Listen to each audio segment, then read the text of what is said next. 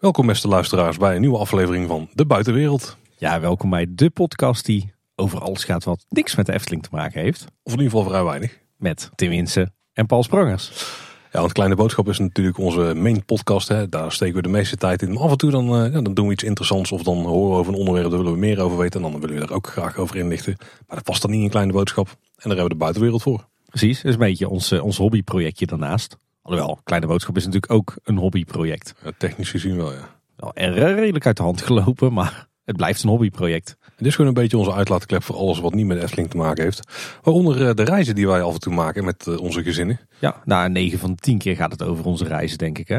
Ja, we hebben inderdaad een paar afwijkende gehad. We hebben eigenlijk maar één afwijkende gehad. Ja, precies. Maar er zijn wel plannen voor meer. Ja, dit is in ieder geval onze negende aflevering. En uh, die gaat over de herfstvakantie van 2021. Ja, want wij zijn toen uh, beide weg geweest. Beide naar het uh, buitenland. De een net iets verder dan de ander. Het, het kon eindelijk weer hè? Of het kon nog weer. Of ja, ja ik... was eigenlijk allebei zo. Ja, kijk, de buitenwereld is qua prio, qua editen ook wat lager. Dus ik moet zeggen dat aflevering 8 is nog niet uitgekomen. Terwijl we deze opnemen. Ik weet niet wanneer deze precies live gaat, Tim. Maar in ieder geval in de herfstvakantie van 2021 leek het erop dat we weer even onbezorgd naar het buitenland konden reizen. Ja, toen waren de besmettingscijfers in ieder geval uh, nou, vrij laag. Waren wel weer een beetje aan het oplopen, maar nog niet echt heel erg hard aan het stijgen.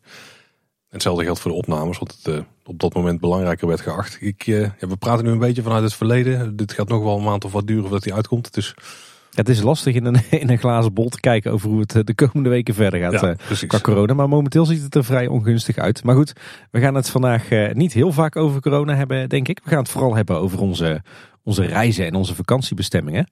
En uh, als ik het even kort moet samenvatten, Paul, dan ben jij met de camper door België getrokken. En wij zijn met het gezin met het vliegtuig naar Zweden geweest, naar Stockholm. Dat is een perfecte korte samenvatting. Veel korter kan je hem niet maken. Denk ik. Nou, beste luisteraars, bedankt voor jullie aandacht. nou, we, gaan er toch iets dieper op in. Uh, we, we, hebben het ook al benoemd in, uh, in Kleine Boodschap zelf. Maar in de buitenwereld kunnen we natuurlijk wat meer vertellen over uh, onze vakanties. Zeker. Ja, dan zal ik hem aftrappen. Wij zijn naar België gegaan, naar het verre diepe zuiden. La Belgique. In ieder geval naar het diepe zuiden van België. Want ja. we zijn begonnen in de Ardennen.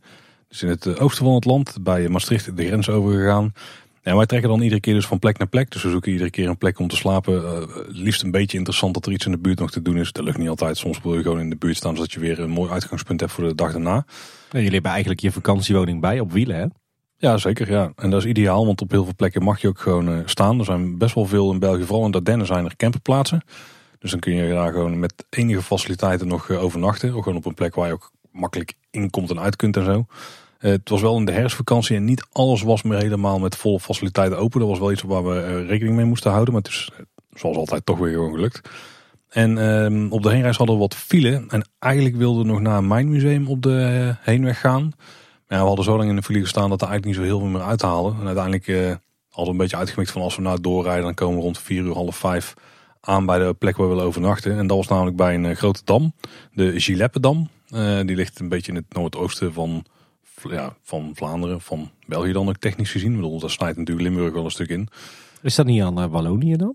Het is Wallonië, ja. Ligt op dezelfde hoogte ongeveer als Luik. Maar dan wel een stuk verder naar het oosten nog. En uh, dat was een, een stuwdam. Nou, meestal zijn die dingen uh, vrij indrukwekkend en hebben die ook echt wel mooi uitzicht. Maar deze was interessant omdat daar een enorm grote betonnen leeuw staat. Ik heb de statistieken niet opgezocht, maar ik denk dat die wel een metertje of... Ik denk dat het beeld alleen wel een meter of tien is. En die staat dan ook nog op een grote sokkel. Uh, en daar kun je dan gewoon onder gaan staan. En die kijkt dan uit over de vallei die, waar de dam het water uithoudt, zeg maar. Blijkbaar kijkt hij die kant op omdat hij dan richting het oude Pruisen kijkt. Want deze dam is al best oud. Ja. Volgens mij van begin 1900 of zo. Of zelfs eind 1800. Ja, dus verder een vrij klassieke dam met twee waterinlaten aan de bovenkant. Dus van die torens die, uh, waar dan het water doorheen stroomt. Want ze wekken daar een klein beetje energie op. Uh, maar niet zo heel veel vergeleken met de andere stuwdammen. Dit was vooral het bedwingen van het water. En zorgen dat in de vallei volgens mij ja, meer gedaan kon worden of zo. Wat we weer meteen al zagen is dat uh, de herfst zijn intrede had gedaan. En we zaten echt denk ik op het perfecte moment. Misschien dat, ja, een paar dagen later was het nog mooier. Dat konden we ook wel meekrijgen. Want de, de, bomen waren allemaal op hun mooiste en hadden nog niet al hun blad verloren. Het was echt, uh, ja, tinten groen zat er ook nog wel bij. Maar heel veel geel en oranje begon al een beetje te komen. En af en toe ook uh, wat rood ertussen. Maar bruin hadden we nog niet zo heel veel zeg maar. Dus qua timing kon het bijna niet beter. Ik, ik zie prachtige foto's voor me inderdaad, ja. En wat ook heel tof was van die dam, was dat daar een enorme toren bij stond. Volgens mij 75 meter hoog. Een soort uitkijktoren, maar er zit ook een restaurant in. Die was gewoon open. Die hadden geen enkele klant volgens mij, want er stonden daar vijf campers beneden. En, en volgens mij twee auto's op de parkeerplaats. Maar er waren gewoon mensen die een hond gingen uitlaten. En er, er, ligt daar, er liggen best wel veel faciliteiten bij. Je kunt daar fietsen huren en er zitten speeltuintjes bij. En er zat beneden zat nog meer een, een snackbar uh, of een soort ja, café-restaurantachtig uh, ding zeg maar. Maar dat was allemaal dicht nu. Maar er is in de zomer is dat volgens mij een, een, drukte van belang. Ook best wel veel informatie over wat de dam doet en hoe die werkt. En een paar mooie overzichtsborden. Maar die toren van 75 meter kon je dus gewoon gratis altijd in uh, boven rondje lopen. Met ook nog wel informatie over ontstaan en zo van het hele gebied. Heel tof. En daar hebben wij onze eerste nacht eigenlijk vol gemaakt. Ik ben s'avonds in het donker nog even gaan kijken naar hoe alles natuurlijk verlicht was. Heel ah, cool. Maar wat hadden jullie eigenlijk voor weer daar? Ja, het weer begon een beetje vochtig. Uh, niet echt regen, we op de hemel wel wat regen gehad. Maar weet je wel, er ging gewoon vaak mist en zo uh, de eerste, nou vooral de eerste uh, anderhalve dag. Maar het is eigenlijk heel de vakantie droog gebleven tot de laatste dag. Toen zijn we de dag voor vertrek. Okay. Toen begon het wat te regenen. Maar een kleine vooruitblik, toen zaten we in een grote stad. Dus dan maakt het wel minder uit. En dan ja. ga je gewoon van binnen naar buiten. En dan ga je af en toe ineens opdrogen. Um, nou, daarna geslapen, toen doorgereden naar... Nou, toen hadden we eigenlijk een vrij drukke dag gepland. Maar we wilden een stukje natuur doen, een stukje wandelen. Dat vinden we altijd mooi. Kinderen die geven daar helemaal niks om, zeggen ze dan. Maar als we eenmaal bezig zijn, vinden we het toch leuk. Ja, doen ze dat gewoon uit zichzelf? Of moeten jullie daar een of andere speurtocht voor uitzetten? Of, uh... Er is soms nog wel iets wat we dan eh, erin kunnen gooien. Dan, dan, dan schrijven we gewoon een paar, of dan tekenen we een paar voorwerpen op een papiertje met wat vakjes erbij. Dan mogen ze die aanvinken als ze, als ze een blaadje hebben gewonnen of een paddenstoel of weet ik veel. Heel, uh, heel herkenbaar, ja. ja. Hebben we niet zo heel vaak nodig, maar de oudste begint wel een beetje in de leeftijd te komen dat ze dan uh, niks leuk vindt van tevoren. Dat ze een beetje gemotiveerd moet worden, zeg maar. Ik moet zeggen dat in de loop van de vakantie had ze toch wel door dat we iedere keer toch echt wel iets gingen doen wat wij wel wisten dat ze het leuk zouden vinden. Toen had ze toch wel door van, nou, ik moet daar niet zozeer, ik moet gewoon meegaan. maar iets, hier was er nog heel erg. Toen kwam er iets meer vertrouwen in papa en mama. Ja, ja maar de heenritten daarheen dus weer, want dit was echt in Ardennen, dus echt door de natuur continu smalle eh, of best wel wat slingerpaadjes ook. We hebben best wel, ja, er liggen eigenlijk geen snelwegen in dat deel van België. Dus je gaat altijd uh, over van die 90 wegen zijn het daar dan vaak. Maar daar reden wij maar 70, want dat was echt niet te doen. Uh, want we hebben ook natuurlijk kennis gemaakt met het uh, schitterende Belgisch wegdek. Ja. Op, op punten was het echt onbelgisch. Bijvoorbeeld die, die route naar die, die dam toe was bijna dat je door de Verenigde Staten naar Nationaal Park reed of zo. Zeg maar zo wijd en groot en, en alles. Dan rij je daar weer weg. Sla je één keer rechtsaf en dan, ja, dan komen de kuilen tegemoet. en het weggevreten asfalt, zeg maar, wat, wat al in geen 40 jaar reparaties heeft gezien. Ja, nee, dat is eh, het Belgisch wegdek uh, haat-liefde verhouding, uh, zeg maar. Nou, was het een beetje te doen met de camper? Of was het echt geen doen? Op punten was het echt geen doen, nee. Als je dan ergens 90 mocht rijden en we hadden daar echt gereden, dan denk ik dat wel onderdelen waren verloren, ja. Alle kopjes stonden, lagen in stukjes in de kasten. Nou, we hebben geen geen glazen kopjes bij, we alles kunststof. Dus dat is wel uh, slim ja, over Ik denk wel dat er wel flessen frisdrank waren opengeschoten. En, uh, nee, de, de, nou, wegdek in België, dat is nog steeds een ding. Het was een Vlaanderen een stuk beter trouwens. Dus vooral nog een Wallonisch uh, issue, denk ik. Maar we zijn toen naar een natuurgebied gereden. Naar, met, met de schitterende Belgische naam Ninglinspo. Klinkt bekend. Ja, nou, nou, het is ook een schitterend natuurgebied namelijk. Waarbij eigenlijk een, een rivier een beetje de, ja, de leidraad is door het gebied stroomt daar, eh, of er is meer een beekje zeg maar, wat daar eh, een hoop interessante vormen heeft weggesleten. Maar ook echt door van die knalrode rotsen en zo op een paar punten. En ze hebben eigenlijk een wandelroute uitgezet uh, die ook voor kinderen wat te doen is langs die beek. Nou, wij konden niet al te veel tijd uh, besteden. Dus wij hebben denk ik anderhalf uur of zo er rondgelopen. Gewoon een stukje die beek omhoog. En uiteindelijk ook weer terug naar de parkeerplaats. Dus we hebben dezelfde route gewoon uh, teruggelopen. Maar echt een leuk stukje klauter. Uh, heel veel plekken gewoon waar je, ja, weet je wel, van zo'n beekje die je in Nederland niet vindt. Met van die rotsen er overal in. Waar je ook gewoon overheen moet lopen, langs moet lopen. Soms ook met een stukje afgrond van een meter of tien naast je. Terwijl je wat omhoog loopt naar een waterval toe. Op een paar punten ook bruggetjes over het water heen. Gewoon een, weet je wel, gehalveerde boomstam. Uh, met een, uh, een balkje om je aan vasthouden. En daar loop je dan overheen. Dus verder allemaal niet heel spannend of spectaculair. Maar voor de kinderen wel echt heel leuk. Klinkt heel leuk, ja. En, en de omgeving is echt super tof met heel veel verschillende kleuren. En we hadden dan nog natuurlijk de herfstkleuren erbij. Dus dat was helemaal ideaal. We hadden die dag hadden we wel meer op de planning staan. Want uh, wij dachten, we gaan ook eens kijken bij uh, het circuit van uh, Spa-Francorchamps. Ah ja. Had ik van tevoren eigenlijk helemaal niet bedacht, maar we kwamen in de buurt. Ik denk, ja, dat is toch ook wel een geinig circuitje. En de kinderen, die, Max Verstappen is natuurlijk de grote held tegenwoordig hè, van de jeugd. En wij kijken ook steeds meer Formule 1. Dus wij dachten, daar gaan we toch eens kijken. Een beetje gevoel voor krijgen van wat daar dan allemaal gebeurt. Nou, blijkt dat je daar ook gewoon gratis op kan. Wij wisten hier echt helemaal niks van. Hè. Het enige waar je voor moest betalen was dus parkeren. En er waren heel het weekend waren er gewoon races. Er, was volgens mij een, een eendenrace. dus met de Chevaux, zeg maar. Mhm. En ja, daarnaast nog vier andere races of zo. Dus er waren gewoon continu mensen daar aan het racen op de circuit. Ja, je kan dan dus gewoon op de grote parkeerplaats staan. Dat was dus allemaal geregeld. Er stonden ook mensen bij, daar moest je er ook voor betalen. maar verder was gewoon, ja, ik kon het circuit op. Je kan in principe gewoon de pitbox inlopen, zeg maar. Je kan niet in de pitstraat zelf komen, maar wel het hele gebied ja, wat aan de binnenkant van het circuit ligt. En uh, je kunt gewoon ook op die pitboxen, dus de, wat volgens mij is dat dan de paddock of zo maar ik, ik ken al de term niet helemaal ik, exact. Ik heb helemaal niets met uh, Formule 1, dus je, kijk mij vooral niet vragend aan, want ik uh, kan je vragen echt niet beantwoorden. Nou, in ieder geval de pitboxen, daar sleutels aan de auto's, Tim. Dat wist je nog net wel. De garage. De garage. De garage. Ja. Daar, nou, daar waren ze dus aan al die auto's aan het sleutelen. En dan kon je met trappen kon je daar dan boven komen. Maar ja, dan loop je dus tussen, tussen alle vrachtwagens door waar alle auto's in aangeleverd of aangevoerd worden en zo. Ja, ik weet niet of dat de bedoeling was, maar ja, dat kon. Dus we hebben dat maar gewoon gedaan. En toen zijn we er boven op zo'n dak een beetje gaan kijken naar die race. En dat is toch wel echt enorm groot, jongen, zo'n uh, zo'n circuit. Dat is wel toch wel echt tof om een keer mee te maken. Ik denk dat jij dat zelfs zou kunnen waarderen. Ook al heb je niks met de race en zo. Maar gewoon een beetje die grootsheid meekrijgen. En, en hoe lomp het eigenlijk is. En hoe best wel bijzonder het is dat ze dat daar in de bergen hebben weg kunnen leggen. Want wat dat betreft is het circuit daar wel bijzonder. Ten opzichte van de, de vaak gewoon totaal uitgeplande circuits. Want dit is echt gewoon in de bergen gelegd. De contouren volgend van de, van de omgeving, zeg maar. Maar het stukje waar wij stonden was het oude stuk. Wij stonden onderaan voor de mensen die het circuit kennen. En bovenaan ligt het nieuwe pitbox waar ook dus ook de Formule 1 en zo plaatsvindt. Ja. Maar de kinderen vonden het al spectaculair. En die hebben ook vrij vaak verteld dat ze zijn gaan kijken bij waar Max Verstappen altijd rijdt. Mooi is dat. En uh, daarna doorgereden naar Malmedy. Dus uh, volgens mij noemen ze het een beetje de hoofdstad van de Ardennen. Ja, een vrij, grote, ja, ja. vrij grote stad. Uh, met ook een leuk stadcentrum ja, gewoon waar gegeten konden daar ook vrij vlak in de buurt staan. Volgens mij stond op nog geen 10 minuten lopen van het hoofdplein of zo. Daar stond gewoon de camper langs het, uh, langs het station. Een vrij grote camperplaats ook. In ieder geval alle faciliteiten die wij nodig hadden. Ook elektriciteit en zo. Best wel handig, want dan kan je er ook een kacheltje op stoken. In deze tijden niet verkeerd, want het was best fris. Vooral die nacht was de friste volgens mij die we hadden. Maar verder daar gewoon ja, een beetje hè, boodschappen gedaan. En je kent er wel, want de volgende dag moesten we door. Want toen hadden we een nog drukkere dag gepland.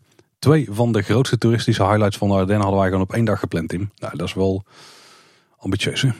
Welke twee uh, had je gepland? De watervallen van Co en, de, en de grotten van Hand. Ja, dat zijn wel inderdaad de twee tourist traps van uh, de Ardennen, ja. Dus we waren ook vrij vroeg uh, vertrokken. Dus we waren echt, nou, ik denk om negen uur of zo bij de watervallen van Co. Dat is heel vroeg, ja. Volgens mij hebben we Plopsa open zien gaan. Want ja, dat ligt echt gewoon aan de voet van die watervallen. De ingang ligt ook gewoon bij het kijkpunt. Of een van de ingangen ligt bij het kijkpunt voor de watervallen. Als je het lage kijkpunt hebt, zeg maar, het uitkijkpunt hebt. Maar dat was eigenlijk wel heel tof. Je hebt daar bruggen over de watervallen heen liggen. En daar scheen dus precies de zon onderdoor. Door die mist heen van die watervallen. Dat was echt heel vet. Heel tof. En dat, dat duurde ook gewoon echt heel de tijd dat wij er waren. Was daar een beetje het aanblik. Want de zon bleef vrij laag. En wat heel tof is van die watervallen. Die dus echt wel indrukwekkend zijn. Want je denkt ja watervallen in België of überhaupt in de Benelux, dan kan er nooit heel veel zijn. Maar er komt daar uh, vooral qua volume echt wel veel over die, uh, hoe noem je dat dan, de, de, de rand heen scheren. Ja. Het, het, spuit daar bijna onder die brug vandaan, zeg maar. Als je dat, en je kunt er ook gewoon vlak naast staan en dat is vooral heel tof. Je kunt en tussen die watervallen staan, want je hebt eigenlijk dus twee openingen onder de brug waar de, daar komt de waterval doorheen. Maar daartussenin kun je dus met een trappetje naar beneden. En dan sta je een meter of zes, denk ik, van waar die watervallen, de rivier eronder in stromen. Daar kun je dan staan. En dan sta je echt tussen het geruis van die watervallen, die je vanuit die twee ja, openingen door de brug een beetje als een soort waaier uitsproeien. Dus die komen ook steeds dichter bij elkaar. En jij staat dan een beetje net zo boven het punt waar ze bijna samenkomen. Maar als je dus die trap afdaalt, dan sta je ook op de punten waar die dus over die rand heen scheert. En dan komen echt, ik heb geen idee hoeveel liters water daar of kubus water daar tegelijk overheen stromen. Maar dat is uh, vrij indrukwekkend, ja. we hebben daar verder in de buurt niks gedaan. Dus echt een enorme tourstrap inderdaad. Ja. Uh, superveel uh, mensen die, waar je geld gewoon kunt inleveren om met het treintje mee te rijden door het gebied. Of om daar te gaan outdoor, uh, abseilen, tokkelen, dat soort dingen. Ja. Dat zie je gewoon overal om je heen. Zie je dat daar iets te doen is. Daar hebben wij allemaal links laten liggen. Wij zijn daarna toch wel in de loop van de ochtend alweer richting Han getrokken. Waar we eigenlijk ja, dat is toch wel midden in het dorp, aan de rand van het dorp misschien een uh, camping hadden gevonden. Die was recent overstroomd. En want uh, de rivier die daar loopt, dat is volgens mij de lei die ook uiteindelijk in Walibi België uitkwam. Volgens mij is het dezelfde. Volgens mij ook, ja. Die, uh, die was daar ook buiten de oevers getreden. En die had het hele terrein er eigenlijk nou, niet schoongeveegd. Maar dat was dus ook geen toiletgebouw en dat soort dingen meer. Dus je kon ook alleen nog maar met de camper staan, want dan kon, had je dat zelf allemaal bij. Je had geen amfibische camper nodig. Nee, gelukkig niet. Daar was ik nog wel heel even bang voor. Ook omdat de grond niet heel drassig was, maar daar bleek ook mee te vallen. Maar dat was wel een hele goede uitvalsplek, want die grotten van Han, dat vond ik dus wel bijzonder van tevoren. Als je daar op Google Maps gaat kijken, dan is het net dat die ingang midden in de stad ligt. Maar dat is dus alleen het verkoopkantoor. En dan moet je vanaf daar nog een ah. paar honderd meter lopen. En uh, nou, best wel sfeervol straatje trouwens. Maar het is natuurlijk bomvol met de horeca. Om mensen die allemaal een slaatje willen slaan uit de mensen die daar naartoe komen. Wat er jaarlijks enorm veel zijn. Volgens mij zijn er 25 miljoen mensen in die grotten afgedaald al inmiddels. je. Door de jaren heen. Dat is niet per jaar natuurlijk. Maar uh, door alle jaren dat ze het uitbaten heen. En dan uh, kom je bij het domein van de grotten van Han. En dat is eigenlijk best wel geinig. Er zit dus ook gewoon een, een museum bij over de omgeving daar en hoe het allemaal is ontstaan. En echt een enorm groot speelgebied erachter. Dan moet je je voorstellen als de financiën hier, Tim, in uh, Kaatsheuvel. Maar dan een keer vijf of zes, zeg maar. Zo'n oppervlak. Zo. Het buitenstuk. En dan uh, en daar loopt ook een slingerpaardje erin. En die gaat dan uiteindelijk naar die grotten. Maar dan kun je ook weer met het treintje mee. En er ligt nog een wildpark waar je in kunt. Ook dat hebben we allemaal wederom links laten liggen. Wij kwamen voor de grotten. Daar hadden we ticket voor gekocht. En die gingen wij wel even afdalen. Maar dat blijkt dus een eh, wandeling te zijn van anderhalf uur. nou, we zijn er zelfs bijna twee uur binnen geweest volgens mij. Maar die is wel heel tof. Uh, die grotten die zijn ontstaan omdat daar dus de rivier door uh, of tegen een berg aan is gaan stromen. En uiteindelijk uh, ja, zichzelf daar zo lang tegenaan heeft gegooid dat hij door de berg heen is gaan stromen. En daar gewoon die grot heeft blootgelegd. Allemaal kalksteen. dus daardoor ook druipsteengrotten en zo die daar zijn ontstaan. Met, nou, dan heb je al die fonkelingen erin zitten. dit, dit hebben ze echt mega toeristisch gedaan. Er zitten blijkbaar nog vleermuizen ergens, maar die zie je never nooit. Want die, die, die grotten zijn 17 kilometer is er aan grotten volgens mij. En je loopt er door ongeveer ja, anderhalf, twee kilometer heen, denk ik. Overal gewoon trapjes gemaakt en uh, leuningen en zo. Dus, dus met de rolstoel of zo kun je er niet doorheen. Of met de kinderwagen. Uh, maar te voet gaat allemaal prima.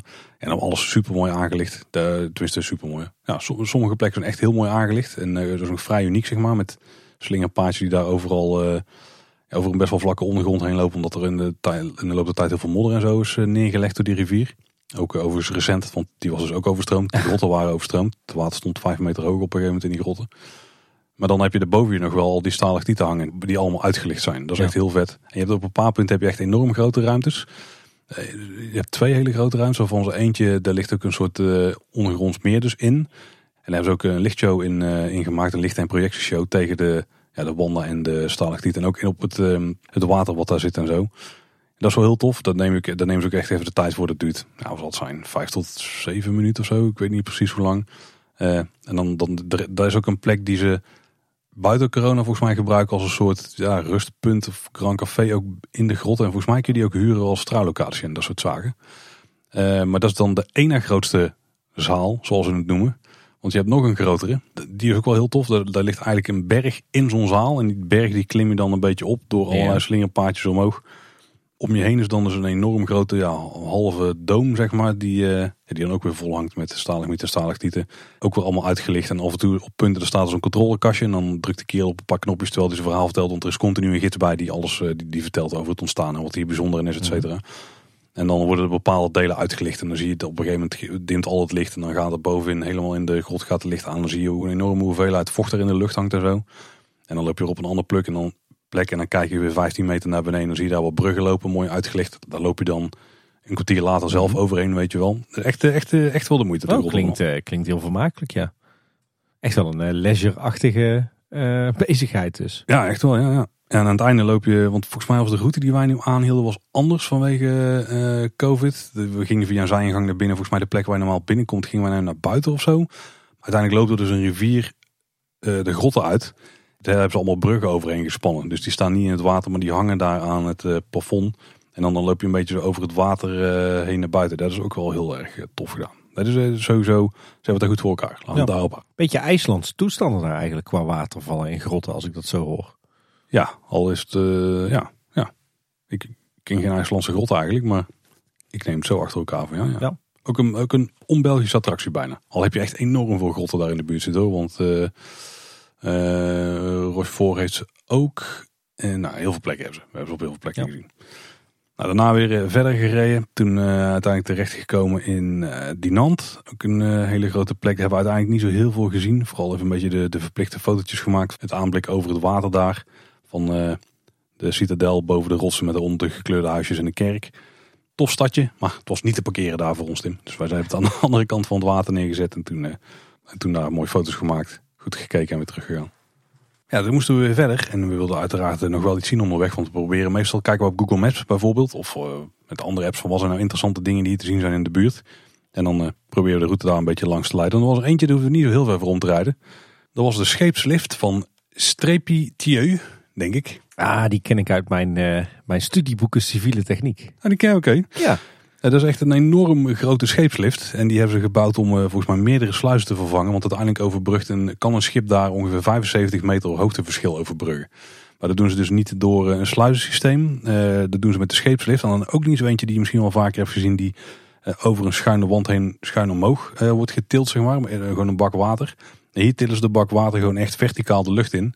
En ze hebben twee van die bakken tegelijk. Dus ze kunnen schepen omhoog laten gaan naar beneden. Ik dacht dat die als contragewichten voor elkaar zouden fungeren. Maar dat is dus blijkbaar niet zo.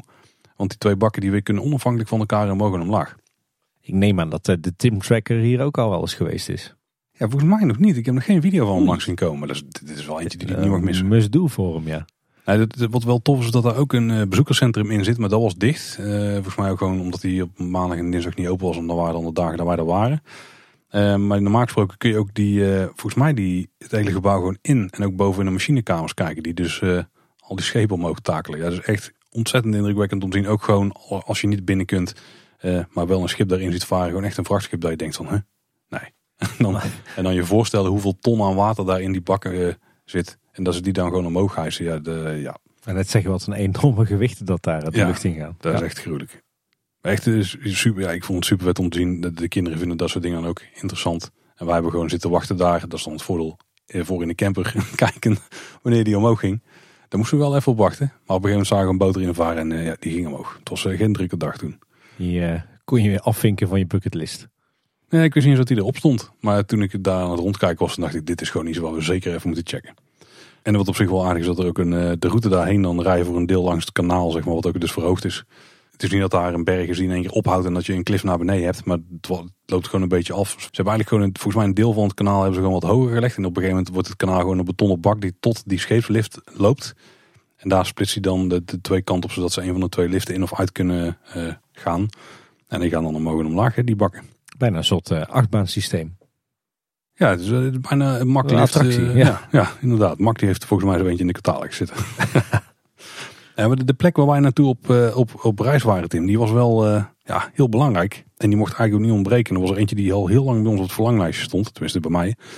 En dat was, ik ga het gewoon zeggen, Paradisa. Paradisa bedoel je? Of, of Paradisa. Nou, Paradisa. Die discussie die gaan we hier niet, niet, eens houden. Ik doe gewoon wat mij is geleerd door onze grote vriend Erwin. Ja. Ik ga voor Paradisa. Wat uh, volgens velen de mooiste dierentuin van Europa is. En volgens sommigen ook de mooiste dierentuin ter wereld. Uh, en denk dat daar gewoon waar is. En ik hoef niet per se een punt te zetten. Maar het enige wat ik in kleine boodschap ook wel aanhaal. Is dat de term dierentuin echt wel het park tekort doet. En ook Zeker. echt niet een goede omschrijving is van wat het park is. Ze noemen zichzelf een wereldtuin. Volgens mij is dat wel iets wat een beetje is gegroeid door de jaren heen. Uh, want ze hebben daar echt gewoon gebieden aangelegd. Vergelijkbaar met hoe ze op die plek in de wereld gewoon zijn. Uh, en dat doen ze, ik denk nog wel beter dan dat ze dierenverblijven aanleggen. Of misschien dat de dierenverblijven in het algemeen gewoon een beetje wat, wat ouder zijn dan de, de rest van de gebieden. Maar die blijven, nou, die halen niet het niveau van de omgevingen waar je af en toe doorheen uh, beweegt. Ja, op zo, in sommige themagebieden zijn dieren maar bijzaak inderdaad. Ja. ja. En als ik daaraan denk, denk ik vooral aan het uh, Chinese themagebied. Wat echt, echt heel tof is weergegeven. Wij zijn in China op vakantie geweest. En als je daar dan rondloopt, dan heb je echt weer even het gevoel dat je terug bent. Op een paar dan toch wel foutjes ook trouwens, die vaak wel op kon betrappen, denk ik. Misschien dat experts het er niet mee eens zijn. Maar je hebt dat bijvoorbeeld op een gegeven moment, uh, dan, dan herken je wel elementen uit de reis waar je dan uitleg bij hebt gehad. -hmm. En bedoel, dat is ook maar de enige uitleg die wij er toen hebben gehad. Hè. Dus dat het zo in de daadwerkelijk ging, weet ik niet. Maar als je keizers had, die, werden, die liepen nooit zelf, of in ieder geval zelden. Uh, niet in het, in het zicht van het publiek. En die werden dan bijvoorbeeld trappen overgedragen. Dus als je van die Chinese tempels ziet, dan hebben die vaak uh, van die trappen met links en rechts zeg maar traders. En in het midden zit dan vaak gedecoreerde ja, glad, glad oppervlak met een relief erin of zo. Met de draak, et cetera. Je kent het wel. Uh, over die trappen liepen dan de, de dienaren. Die dus de stoel tilden waar de keizer op zat. Maar de keizer ging dan over dat gladde stuk heen. Want die hoeft toch niet te lopen. Dus ah, ja. die wordt er overheen ja. getild. Daar hebben ze daar dus ook nagebouwd. Gewoon echt perfect zoals het hoort. Alleen dat komt dan uit gewoon tegen een muur. Met daar wel een stukje, ja, de links en rechts dan weer een trap omhoog. Maar dat is niet hoe het werkt, hè. Die keizer nee. moet helemaal volledig naar boven getild kunnen worden, zodat hij gewoon uh, rechtstreeks de tempel ingetild kan worden, zeg maar. Ook voor detail, Paul. Ja, dat is, daar, dat, dat is wel kleine dingen. Maar dan, dan neem niet weg dat het echt ontzettend vet is. En dat je, als je op die plekken dus bent geweest, dan ga je die zaken ook herkennen. Je hebt ook bijvoorbeeld een soort, meer ja, Sommige themagebieden zijn niet super sterk gedefinieerd waar ze vandaan komen. Je hebt volgens mij de, de Arctic Wild of zo, de, heet dat stuk? Uh, Land of the Cold, denk ik. Land of, the, Cold. The Last Frontier. Ja, nou, dat, dat is sowieso wel een goed punt, want die lopen enigszins in elkaar over. Ja, klopt. Het is ook niet helemaal duidelijk waar de scheiding ligt. Maar het is ook niet echt dat het uit één land komt of zo. Er zitten dan vleugjes uh, Siberië in. Er zitten vleugjes, er zitten stukken die zijn wel vrij duidelijk op Canada geïnspireerd. Maar er zit ook gewoon uh, Scandinavië in als, als invloed. En loopt een beetje door elkaar in. En dan maakt het af en toe lastig uit elkaar te houden. Maar je herkent dan wel de elementen van, ah ja, dit zijn wel echt Scandinavische huisjes die hier, of van die stuga die daar uh, kunnen staan. En oh ja, dit is wel echt zo'n zo'n blokhut, hotelachtig ding wat je in Canada dan treft. En dan in Rusland, dat is altijd vaste wijs zien, dat weet ik dan niet uit ervaring. Ja, dat is dat stukje daar met de treinremise en dat restaurant met al die uiendakjes. Ja, inderdaad. Ja. Maar ondanks dat ziet het er gewoon allemaal heel tof uit en je bent even echt niet in België. Er zijn echt punten dat, dat dan, dan kun je gewoon overal om je heen kijken en echt enorm goed je best doen. Maar dan, heb je, dan kun je gewoon bijna niet aan jezelf wijsmaken dat je ja, niet op die plek staat in de wereld waar ze dan jou even hopen te brengen. Ja. En dat vind ik echt heel sterk. Alleen, ja, de dieren, dat, dat, is leuk dat ze er zijn, maar daar komen wij dan misschien niet eens per se voor. We voor de totale ervaring. Dus dier is vooral van even gaan kijken. Ah ja, dat is leuk. Ja, die pandas zitten toch gewoon stil, dus ja, dat is ook niet zo heel veel aan te zien. dat, dat verklaart waarom jullie in één dag klaar waren en wij dat drie nodig hadden. Ook wel bijzonder over dat ze twee panda verblijven hebben. Waarbij de ene echt, dat slaat echt helemaal nergens op. Dat is echt gewoon nog een oud hok. En die andere, ja, dat is dan wel een wat meer gethematiseerde verblijf, maar die heb ik wel echt ook veel beter gezien, zeg maar. Bijna, ja, dat klopt. vergeleken met de rest van de omgeving is het bijna Paradise onwaardig, zou ik dan denken. Tenminste, de ervaring die ik er nou bij krijg, of waar je mee hebt. Maar die, maar die grot waar, waar, waar je in kan lopen is toch wel vet, toch? Ja, is wel vet op zich, maar als je het dan bijvoorbeeld vergelijkt met het verblijf wat zal in Kopenhagen of wat we hier in Oude Hans hebben, ja, dat, heeft dan net iets meer uh, charme, zeg maar. Ja. Ja, Paradise die was volgens mij wel iets eerder hoor, met die pandas. Ja, dat kan ik me ook wel geloven. En ik denk dat ze ook later een hoop van de, het gebied eromheen hebben gebouwd. Maar het maakt allemaal niet uit, want uiteindelijk gaat het om de totaalbeleving van die dag. En die is daar gewoon echt enorm vet. En er zitten echt oogverblindend mooie stukjes tussen. En ze brengen je gewoon echt naar die gebieden toe. Nou, wat ons betreft, uh, jij hebt het al honderd keer aangeraden. In de vorige aflevering van de buitenwereld ook. Ik wou net zeggen, ik heb het meer dan genoeg eh, bejubeld in de vorige aflevering van de buitenwereld. Ja. Ik kan het alleen maar aanraden. Over een van de meest grote verrassingen was voor ons het eh, aquarium. Een vrij statig gebouw wat daar in het midden van het park staat. En je komt daar binnen en ze proberen je even in de wereld van de Nautilus te brengen. Zeg maar, dat je door hele mooie verblijven loopt die in een onderzeeër of zo zijn geplaatst. Of in, in ieder geval een onderzeebasis. Had ik niet verwacht. Maar wel tof. Nou, vanuit de Paradisa. Ja, gaat de goede kant op, Paul. Ja, ik, probeer een beetje het middel, uh, middelpunt te zoeken. heb, je, heb je daar trouwens de, de, de zonnepanelen gezien op die uh, houten boomstal? Ja, want wij hebben dus overnacht op de parkeerplaats van uh, Paradisa. Ah, kijk. Wij zijn nou gewoon, je, je, moet dan, dat is wel trouwens bijzonder. Niet dat er heel veel mensen luisteren die een camper hebben, maar je moet daar de busbaan volgen. En dan kom je gewoon op een strook uit waar je dus mag staan als camper. En dan sta je eigenlijk voor die zonnepanelenpaal. Want dan mag je maar in als je max 2,5 meter hoog bent. Ja. Nou, wij zijn 3 meter, dus daar konden we wel niet in. Dus daar stonden wij gewoon voor. Ja, die hebben wij heel de avond mogen aanschouwen. Zo komt vak M in uh, de Efteling er dus uit te zien. Ja, met die houten balken ben ik wel benieuwd. Nou, zou niet verkeerd zijn. Ja. Zou op zich wel passen, maar die in de Efteling worden verplaatsbaar. Hè? Dus ik vind ja. dat we daar meer metaal zijn. Zoals stijl zijn, ja. ja. Maar dan kan de Efteling ook mooi met een paar mooie sierboogjes eraan. Zo. Oh, krulletjes. dat is voor een andere podcast. Nou, vanaf daar zijn wij onze tocht vervolgd. En toen zijn we richting de kust gereden. Nou, dan heb je natuurlijk heel veel plekken waar je kunt staan. Maar ja, wij moeten ook nog ergens kunnen overnachten. Het liefst zo dicht mogelijk bij het strand.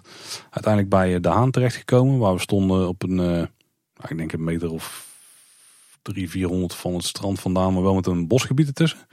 Maar ook nog een heel uh, avonturenparcours en zo was voor de kinderen. ja, uiteindelijk gingen we daar wel voor het strand naartoe. En voor een klein beetje het boulevardgevoel, zeg maar. Met de eetentjes waarbij het ontzettend tegenviel dat die dan in de vooravond van de Belgische herfstvakantie gewoon dicht waren. Bijna allemaal.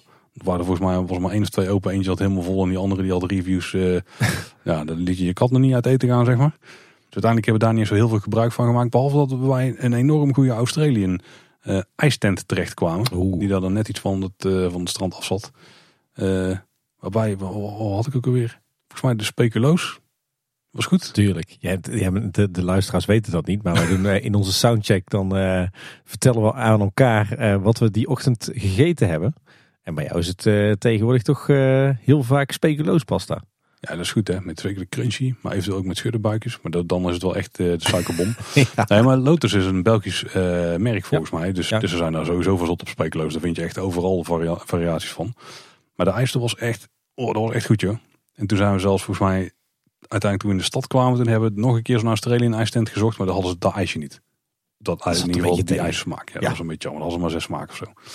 Nou, in ieder geval uh, strand, uh, ja, gewoon uitwaaien langs strand, kinderen schelpen zoeken. Je kent er wel, hè, prima vermaakt. Ja. Maar we zaten dan met nog een andere reden, want we zaten ook op uh, fietsafstand van een Centerparks. Met de schitterende passende naam De Haan. Centerparks De Haan. Ja, wel een bekende naam ook weer. Volgens mij is het origineel Sun Parks, maar die groep is overgenomen of zo. En vandaar dat ze de naam hebben omgekat. Want daar hebben ze natuurlijk een, een zwemparadijs. En we zaten heel de vakantie, we wilden zwemmen met de kinderen. We zaten heel de tijd te kijken, wat gaan we dan doen? Nou, je hebt dan twee Plopsa eh, zwembaden ook in België. Waarvan we heel lang de, de, de, degene die een beetje in centraal België ligt uh, op het oog hadden. Maar dan moesten we best een end omrijden. En uiteindelijk dachten we nog, ja, nou, oké, dan kunnen we misschien de pannen gaan doen. Maar die was volgens mij juist op de dag dat we daar aankwamen, was hij dicht. Uh, we doen van één dag in de week dicht op woensdag. Ja, toen waren wij daar, dus dat schoot er niet op. Nee. Dus uiteindelijk uh, bij die Centerparks terechtgekomen. Ja, daar hebben we ons ook gewoon prima vermaakt. Want dan kun je dan voor volgens mij 18 euro voor volwassenen of zo. wel best duur. Maar Plopsa is 24, 25 euro. Dus dat is nog een stuk duurder. En kinderen denk ik 14 euro of zo. 12, ja, ik weet niet precies zoiets. 12,50 kun je daar eh, gewoon prima dag zwemmen. Het is best een leuk zwembad. Met een wildwaterbaan en best een paar goede glijbanen. Echt zo'n eh, typisch subtropisch zwemparadijs. Ja, dan. ja. Er, zit, wel één echt enorme ruggebreker in. Dus we hebben ook wildwaterbaan. Dat is dan zo'n glad gesmeerde goot, weet je wel. Hè? Een beetje een piranha op zijn kant. Zodat je er lekker uit van afstroomt. Om het makkelijk te zeggen. Maar ze hebben dus datzelfde concept, gewoon aangesmeerde goot. Hebben ze nog een andere glijbaan van. Maar dan echt dat je maar alleen naast elkaar kunt. Waar het water ook vrij doorheen stroomt. Maar op een paar punten, ik denk omdat ze een golf of zo wilden creëren, hebben ze daar gewoon ja, een beetje uh, drempels in gemaakt. Maar ik denk, nou dan ga ik lekker liggen, ga ik een beetje hard naar beneden. En in één keer kwam zo'n drempel, dus dat is gewoon echt een, een, een bult van 15 centimeter uh, hoog, van een centimeter of 40 lang denk ik of zo. Of zeg maar, ja, breed, dat moet je zeggen. Je gaat er dus 40 centimeter overheen. Nou, dat was een vrij harde klap op je, op je rug. Klinkt niet heel comfortabel. Eén keer gedaan, ik ben er niet op gegaan. Ik heb er geen enkel kind van af laten gaan. Ik denk dat gaat niet goed komen. Dus uh, goed vermaakt daar. En uiteindelijk uh, was het een beetje een van onze hoofddoelen van de vakantie was om ook in Gent uit te komen. Uh, met echt een hele slechte reden. En dat is omdat wij een beetje lijp zijn gemaakt door een podcast. Dat is altijd een goede reden, toch? Ja, een hele lichte. Ja. De Vlaamse kunstroof, die gaat over het, het Lam Gods. En dat is een van de grootste Belgische kunstwerken. Misschien wel het grootste Belgische kunstwerk ooit, denk ik. Die van het bekendste. Ja, ja, ja, gemaakt in het jaar, ergens in het jaar 1400, volgens mij een beetje aan het einde, door de gebroeders van Eyck. Vooral Jan van Eyck, die heeft daar zijn stempel op mogen drukken, of zijn penseel in dit geval. Het bestaat uit meerdere panelen. Uh, het is ook eigenlijk een soort, je moet eigenlijk een beetje zien als een soort kast die dicht is. En dan heb je panelen aan de buitenkant. Daar staan bijvoorbeeld de mensen op die de opdracht hebben gegeven om het schilderij te maken. Want het idee van het schilderij was er was, er was oneenigheid in de stad. Het was een beetje de, de lage stand tegen de hoge stand. En uh, nou, de geestelijke tegen de mensen die er wat minder mee hadden. En toen hadden een paar mensen bedacht van nou, we gaan gewoon een schilderij maken. Wat laat zien dat iedereen kan samenkomen. Uh, omdat in dit geval ze het lam God gaan aanbidden. Maar als het, als het heel dicht is, zeg maar, is het gewoon een kast met de deuren dicht. Maar die deuren kon ik open. En dan zitten er op de, aan de binnenkant van de deur ook panelen. Maar ook in de kast zelf zie je dan panelen. Het is een hele slechte omschrijving, maar dan krijg je een beetje een idee bij hoe dat werkt. En als het uh, zeg maar opengesteld staat, wat ze iedere ochtend dus geautomatiseerd doen. Uh, en aan het eind van de dag gaat het ook weer geautomatiseerd dicht. Ja, dan is het echt een enorm ding van, nou, wat zijn? Een meter of vijf uh, breed, denk ik. En een meter of tweeënhalf, drie hoog. met dus verschillende panelen. En nou, de Vlaamse kunstroof, net misschien al een vermoeden waar die een beetje over gaat. Dus ja. Er zijn ooit, volgens mij in de jaren 40 of 30 van de 20e eeuw, zijn daar twee panelen van gestolen. De twee, twee die linksonder zitten. Eh, de rechtvaardige rechters en eh, nog een andere. Maar die hebben ze uiteindelijk vrij vlot teruggevonden. Maar die rechtvaardige rechters dus nooit. Er gaan vrij veel theorieën over eh, hoe die zijn verdwenen en waar die zijn verdwenen. Waar naartoe ze zijn verdwenen, waar ze nog steeds zijn. Mensen zijn niet panelen dus of dat paneel nog steeds aan het zoeken. Op dit moment hangt er dus een replica.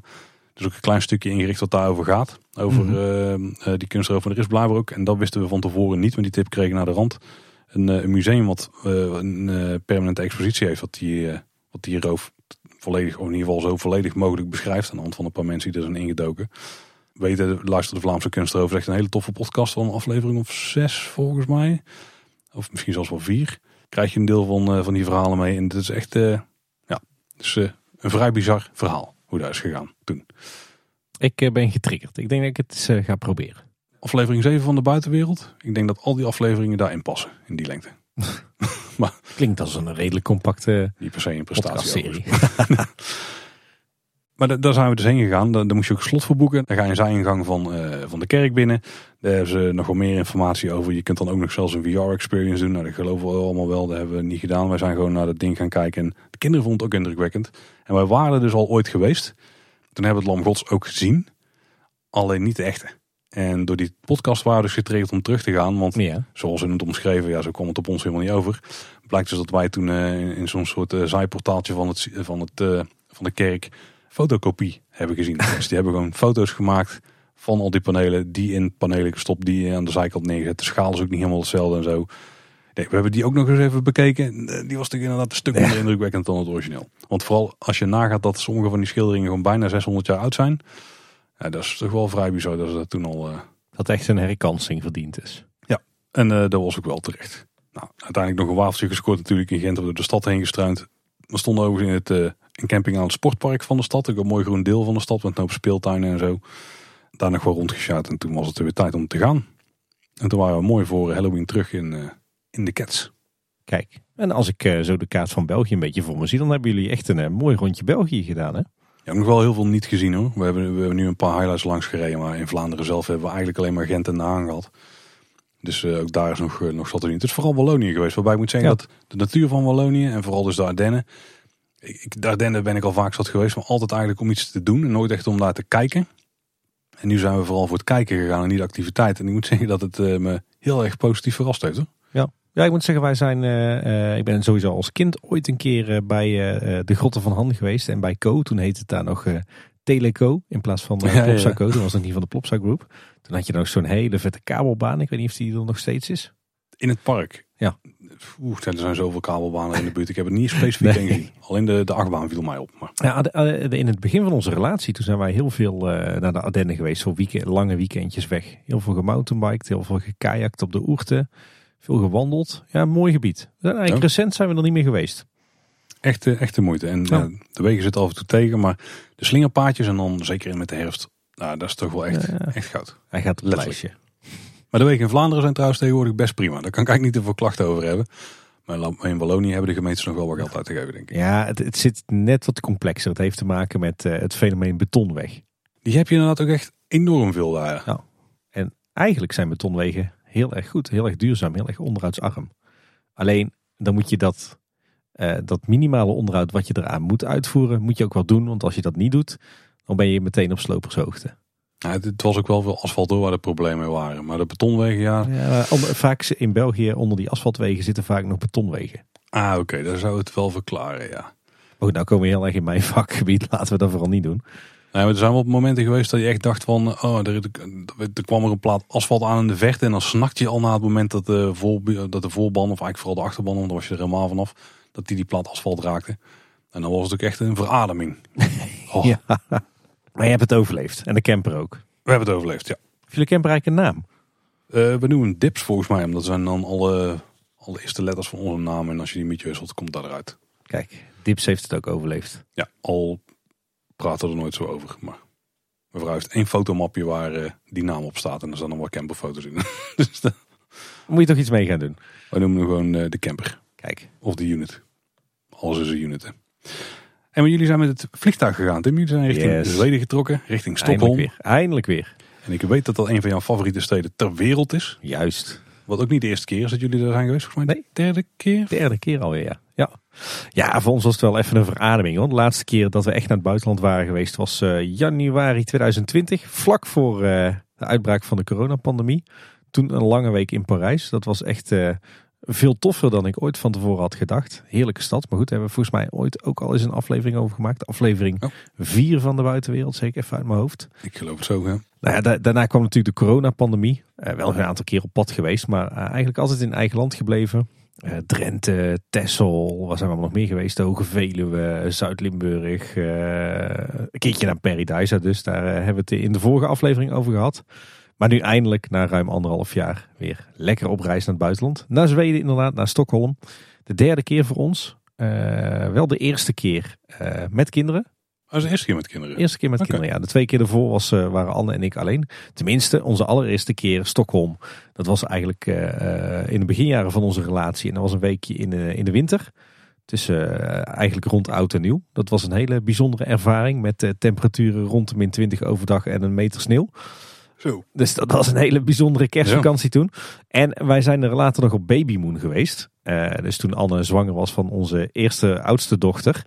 Uh, toen zijn we er tien dagen geweest. In hartje zomer. En toen hebben we de stad echt wel goed uh, weten te verkennen. En helemaal verliefd geraakt. Natuurlijk waren we dat al op Scandinavië en op Zweden. Maar ook echt wel op Stockholm. En we hebben altijd gezegd, als we kinderen hebben en ze zijn iets, iets groter, dan willen we een keer terug naar Stockholm. En deze reis die stond op de planning voor de zomer van 2020. Nou, door uh, gedoe met corona uitgesteld naar de zomer van 2021. Nou ja, daar werd hem ook nog niet.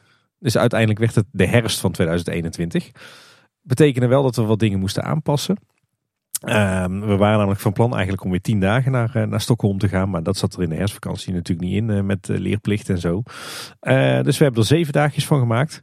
Was op zich niet erg, want omdat het herfst was, was er ook al een hoop dicht in Stockholm. We waren namelijk eigenlijk van plan om in de zomer bijvoorbeeld echte Tivoli Grunalund met één of meerdere bezoekjes te vereren. Maar die was nu dicht. Want onze herfstvakantie viel een week voor de Zweedse herfstvakantie. Dus je merkte dat in de week dat wij er waren, dat er best wel veel dingen dicht waren. En, en tijdens de eerdere bezoeken aan Stockholm zijn we ook heel vaak naar eilandjes langs de Scherenkust geweest. Zeg maar de, de kust voor Stockholm. En ja, dat was nu ook niet echt een optie, omdat het gewoon, uh, ja, de dagen waren al wat korter en het was al wat, uh, wat frisser. Dus dan ga je ook geen uren op een boot zitten. Uh, maar desalniettemin, uh, echt een super vakantie gehad. heel tof om onze kinderen in Stockholm te laten zien. wat je al zei, een van onze favoriete steden ter wereld. En dat is ook wel tof om Stockholm in de herfst te zien. Want het, het, ligt natuurlijk een, een, stuk noordelijker dan Nederland. Betekent ook dat het er al eerder koud is en ook kouder dan hier. En toen wij daar waren, toen eh, had de herfst daar ook al flink toegeslagen hoor. Alle bomen echt al uh, prachtig verkleurd. Heel veel vallend blad. Ook al echt koud daar, mistig. Ja, was echt, uh, echt heel mooi. En het andere voordeel van het feit dat, het daar echt al, dat we daar waren in onze herfstvakantie, terwijl zij nog gewoon naar school gingen, was dat het ook super rustig was. Er waren bijna geen toeristen. het was gewoon het leven van alle dag met school en werk voor de mensen. En de toeristische attracties waren allemaal lekker rustig. Dus Eigenlijk was het, uh, was het best wel prima om in eh, onze herfstvakantie een weekje naar Stockholm te gaan. qua attracties was dus met name Grunalund dicht. Ja, Grunalund was dicht. Alle andere attracties die we op ons verlanglijstje hadden, die, die waren gelukkig open. Met name musea, wat dingen met dieren vermoed ik. Ja. In het water. Ja, of... je gaat het dadelijk allemaal horen. Oké. Kijk. ja, naar Stockholm dus. met het vliegtuig. Was ook weer de eerste keer sinds januari 2020 dat we gingen vliegen. En dat vonden we alle vier best wel leuk. Uh, we hadden een vrij vroeg, vroege vlucht, 10 uur 40. En normaal gesproken dan uh, zorgen we altijd dat we twee tot drie uur van tevoren op Schiphol aanwezig zijn. Heel braaf. En dan hebben we vaak nog een uur over dat we even bij de Starbucks kunnen hangen en een beetje vliegtuigen kunnen kijken. Maar ik dacht, ja, als ik dat nu moet doen, dan moeten we wel heel vroeg de taxi hier uh, thuis voor de deur hebben. Dan moeten we wel heel vroeg opstaan. Weet je wat, ik plan het allemaal wat krapper.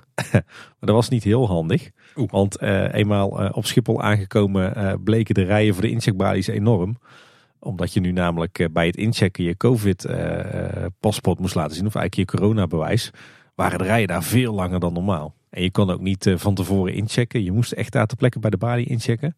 Dus uiteindelijk hebben wij, waren wij volgens mij om 9 uur op Schiphol.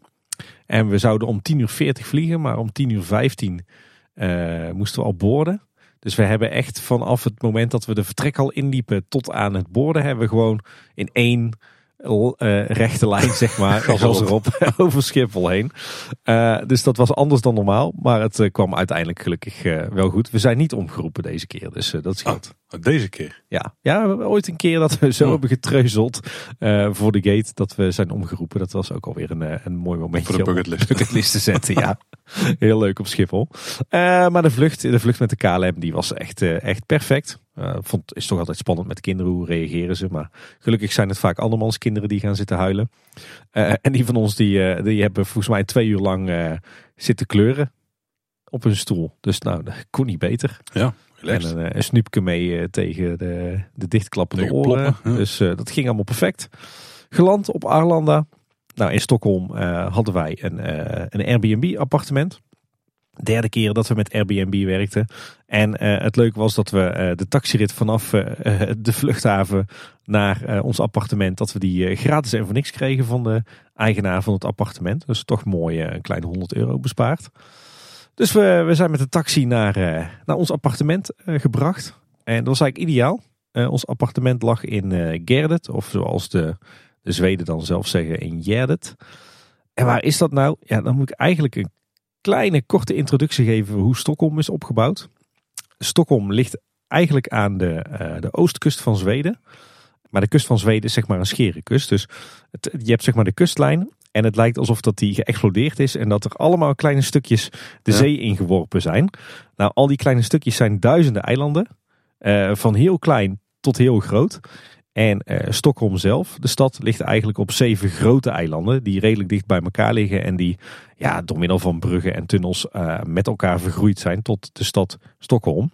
En aan de ene kant van de stad uh, lig je echt in de Oostzee en aan de andere kant van de stad heb je een soort binnenmeer, het, het meer Malaren. En tussen dat meer en de Oostzee liggen sluizen, die luisteren naar de naam Slussen. En precies op dat punt tussen het meer en de Oostzee daar is de stad Stockholm ontstaan. En je hebt dus een aantal grote eilanden. De kern van de stad is uh, Gamlastan. Uh, Zweeds voor oude stad. En dat is echt het, uh, ja, zeg maar een, een, een, relatief klein eiland. Heel erg heuvelachtig waar de oude stad op ligt.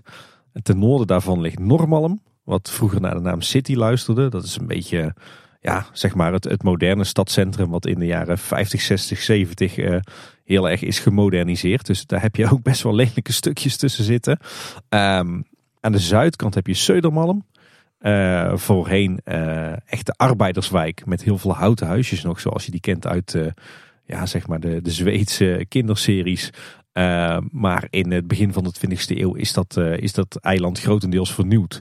Dus daar, daar vind je heel veel woonkazernes, een beetje in de Jugendstil. Dat is nu helemaal hip en happening. Heb je ook nog Östermalm, dat is een, eh, een hele chique buurt aan de oostkant. En aan de westkant heb je... Westermalm? Zou je zeggen. Maar dat heet uh, Vazastan, uh, het eiland daar. Uh, een uh, Jugendstilparadijs. En uh, Koengsholmen ligt daar ook nog een ander eiland met het, het stadhuis erop. En het, het politiebureau. Dus zo is die stad een beetje opgebouwd. Ehm, helemaal aan de oostkant heb je ook nog Djurgarden. Een heel groen eiland met eigenlijk zo'n beetje alle toeristische plekken van de stad. Dat hebben ze in het begin 20e eeuw al heel slim aangepakt qua stedenbouw. En eigenlijk net ten noorden van Östermalm en Djurgarden ligt, uh, ligt uh, de wijk waar wij uh, sliepen. Dus het was eigenlijk net buiten het, het, toeristische centrum van Stockholm. Maar er wel echt vlak tegenaan. Dus zo zat je eigenlijk op loopafstand van, van het, toeristische hart van de stad. En met de metro was het helemaal dichtbij. En wat voordeel was dat Jerde dus net buiten dat toeristische gedeelte lag. En uh, daardoor was het echt een enorm rustige wijk. Heel groen ook. Uh, ontstaan in de jaren 50. Dus heel veel ja, eerste generatie appartementengebouwen, zeg maar. In mooie pasteltinten. Brede straten van kinderkoppen nog. Heel veel groen ertussen. Heel heuvelachtig ook. Want ja, Stockholm is volledig op, op rotsachtige eilanden gebouwd. En daar was ons appartement. Uh, via Airbnb geboekt. Ook weer hele, hele fijne positieve ervaringen mee. En waar dat we in Parijs nog eh, naar de zesde verdieping moesten zonder lift en zonder kinderen die zelf konden lopen. Zaten we nu op de eerste verdieping met lift en kinderen die het maar wat leuk vonden om met de trap te lopen. Dus dat was een ontzettende verbetering. Ja, en gewoon een heel, heel schattig jaren 50 appartementje. Wat gelukkig wel recent was gerenoveerd. Met uh, ons bed in de woonkamer. Met een aparte slaapkamer uh, waar de kids samen op konden.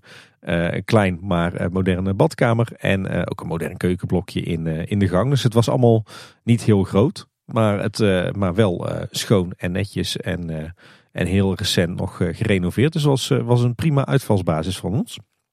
Nou, wij waren daar ergens rond een uurtje of twee, drie in de middag. Uh, en voorheen, voordat de kinderen er waren, uh, zouden we dan die middag al meteen op, uh, op stap gaan, de stad in. Maar de ervaring heeft toch wel geleerd dat dat met jonge kinderen geen heel goed idee is. Dus we beschouwen de, de, de reisdagen tegenwoordig gewoon als reisdag. En verder doen we mhm. niet veel meer. zo ook nu. Dus gewoon gezetteld in het appartement. De kinderen even lekker laten spelen met, met hun nieuwe speelgoed in hun nieuwe kamertje. En we zijn wel op een gegeven moment de wijk gaan verkennen. En uh, nou, ik zei ook qua ligging uh, lag het al ideaal zo dicht bij de stad, maar wel heel rustig. En uh, nou, het bleek ook dat we om de hoek een, een, hele grote supermarkt hadden, de ICA. En ook een station van de Tunnelbana, oftewel de, de metro. Dus meteen daar eventjes twee weekkaarten gescoord. En dat is maar goed ook, want uiteindelijk hebben we heel wat gebruik gemaakt van de Stockholmse metro. Dat is eigenlijk een ideale manier om je, jezelf makkelijk en snel in de stad te verplaatsen. En die ziet er ook heel chic uit. Tenminste, sommige stations zijn echt ja. heel vet. Ja, ja ons station, uh, station Jerdet uh, was vooral heel erg jaren 50 zonder kunst. Maar inderdaad, de, de wat grotere stations, dat, dat zijn echt musea op zich. Ook was ook wel mooi dat we, die wijk Jerdet was op zichzelf al heel groen en heel stil. Maar s'avonds en s'nachts kon je daar echt een speld laten horen vallen. En dat is in een wereldstad. Hè? Dat was echt, echt, we hadden totaal anders verwacht, moet ik zeggen. Maar goed, eigenlijk die, eh, die eerste dag, die zondag, eh, niet heel veel spannends meer gedaan. Verder behalve dus een, eh, een eerste wandeling door de wijk. En ja, zoals het eigenlijk altijd gaat op, op zo'n eerste reisdag. uiteindelijk viel iedereen lekker vroeg als een blok in slaap. Dat, natuurlijk ook niet heel gek na zo'n enerverende reisdag hè, met, een, met een vlucht met het vliegtuig. Ehm, maandag was eigenlijk de eerste volle dag in Stockholm. We zijn meteen op pad gegaan. Vroeg in de ochtend naar ja, toch wel een van onze favoriete locaties in, uh, in Stockholm. Namelijk naar Skansen, het uh, openluchtmuseum van, uh, van Stockholm. Gelegen op dat, dat Djurgarden, dat groene eiland dus met al die verschillende ja, leisurebestemmingen eigenlijk. Ligt op een, een hoge rots op Djurgarden. En ja, het is wat ze zelf zeggen, het, het grootste en oudste openluchtmuseum ter wereld. Nou, of ze echt de grootste zijn, dat durf ik te betwijfelen. Maar ze zijn in ieder geval wel het oudste openluchtmuseum ter wereld. En daarmee ook uh, uh, inspiratie geweest voor onder meer het, Nederlands Openluchtmuseum en, en Bokrijk in België. We zijn er naartoe gegaan met de metro en daarna met de tram. Tram 7, de enige tram die nog rijdt in Stockholm. Altijd een, een heel mooi ritje vanuit het centrum over de strandwegen van Östermalm naar Djurgarden. Heel mooi, over verschillende bruggetjes ook. En we waren er ruim voor openingstijd. om tien uur het park in. Nou, dan is bij uh, of bij Skansen altijd de vraag: ga je linksom of ga je rechtsom? Nou, rechtsom begin je met ja, toch een beetje een shabby gebiedje met wat kermismolentjes en, en uh, ja, een tropische kas en een aquarium waar je allemaal los voor moet bijbetalen. Dat stelt niet veel voor. Dus dat hebben we op basis van eerdere ervaring niet, gegaan, niet gedaan. We zijn linksom gegaan. Betekent dat je meteen met de roltrap de bergen op moet. En dan begin je met ja, eigenlijk een, een Zweeds stadje uit van 100 jaar geleden. Heel tof met een glasblazerij en een bakkerij die nog werkt. En een ijzerwarenwinkel en een supermarkt van 100 jaar geleden. En een pompstation. Nou, ja, eigenlijk echt een Zweeds stadje van 100 jaar geleden. Heel tof. Je kan ook echt uh, al die huisjes in. En her en der wordt er ook echt nog glas geblazen en brood gebakken. wat hebben we daar nog meer gedaan? door wat parkjes gestruind. Ehm, een, eh, een mooi dorpspleintje waar je wat worstenkarren had om eh, even lekker wat te eten. Nou ja, wat bij de kinderen wel een hit was, was eh, de kinderboerderij midden in Skansen. Die is gemoderniseerd, dus dat heeft weinig museaals.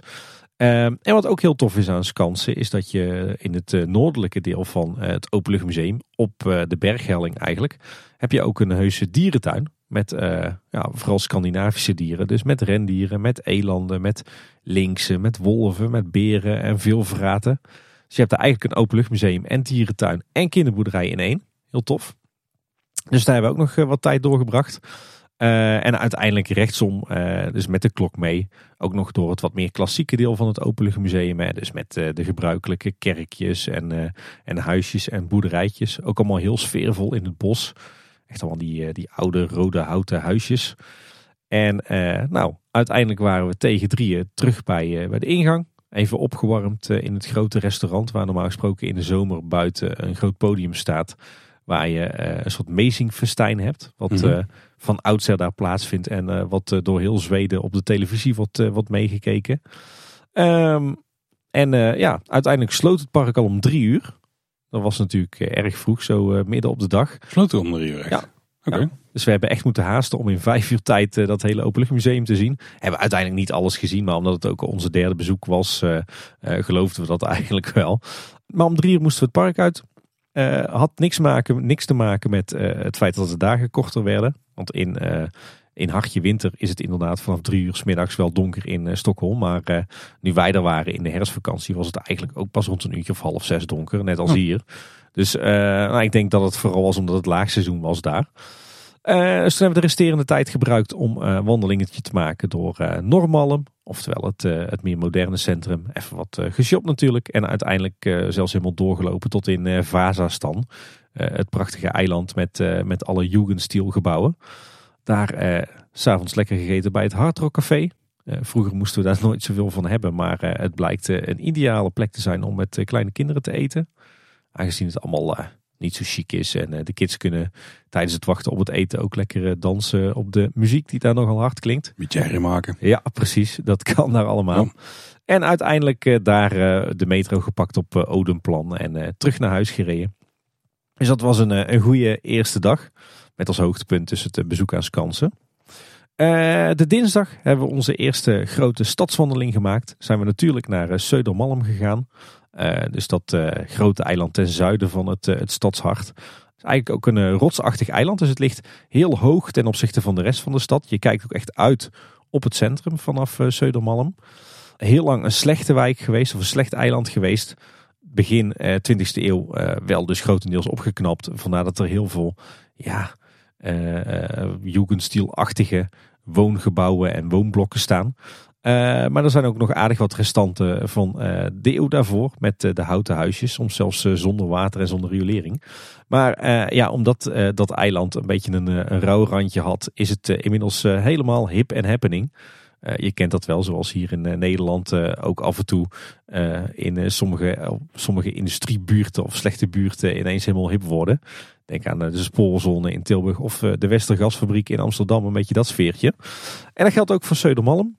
En ja, heeft bij ons toch ook wel een bijzonder plekje in ons hart. Omdat tijdens twee eerdere reizen wij ook verbleven op Södermalm. Dus dat is toch wel een beetje ons eiland. Nou, wat hebben we daar gedaan? We hebben de metro gepakt naar uh, Metborgerplatsen. Een groot park op het midden van het eiland. Met eromheen een hoop winkels. Dat is op zichzelf weinig interessant. Maar we hebben een wandeling gemaakt eh, naar uh, Nu Toilet. Uh, oftewel Zweeds voor het, het nieuwe plein. Oh, het nieuwe toilet misschien. Maar... Ja, die heb je er ook wel. Via de, de Catharina Ban-Gatan. Dat is een, een heel mooi parkje. Dat is niet een spelletje. nee, oh. lijkt het wel op, ja. Uh, alhoewel ik moet zeggen Gatan, want uh, Gatan is, uh, is de Nederlandse uitspraak. Maar de Zweden doen het anders. Nee, onder meer beland op Nu Toilet een, eh, een enorm plein tussen van die grote Jugendstilachtige woongebouwen. met een mooie speeltuin, een mooi parkje. Daar de kids even laten, laten spelen om bij te komen van het, het wandelen.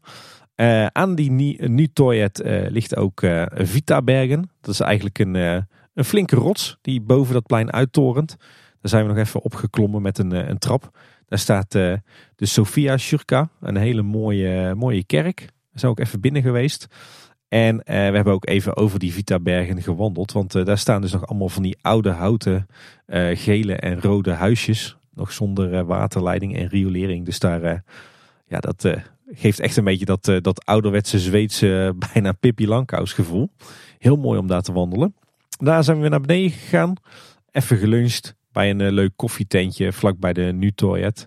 Uh, je kent dat misschien wel, echt zo'n zo'n tent met een hoop studenten en hipsters en mensen die achter een laptopje zitten met een, uh, met een latte. En de kinderwagens die staan daar gewoon aan straat onbeheerd. dat kan daar allemaal.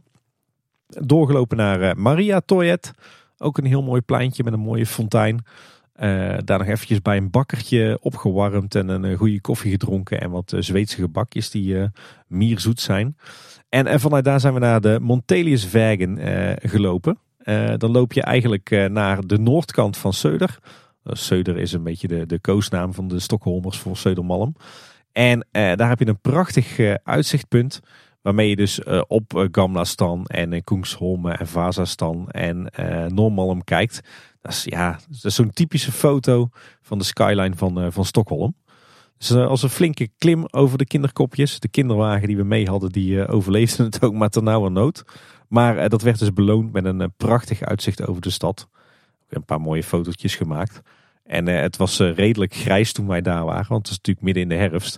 Maar al die pasteltinten, geel en oranje en roze en paars die al die woongebouwen hebben, ja, dat kleurt natuurlijk prachtig bij die grijze luchten.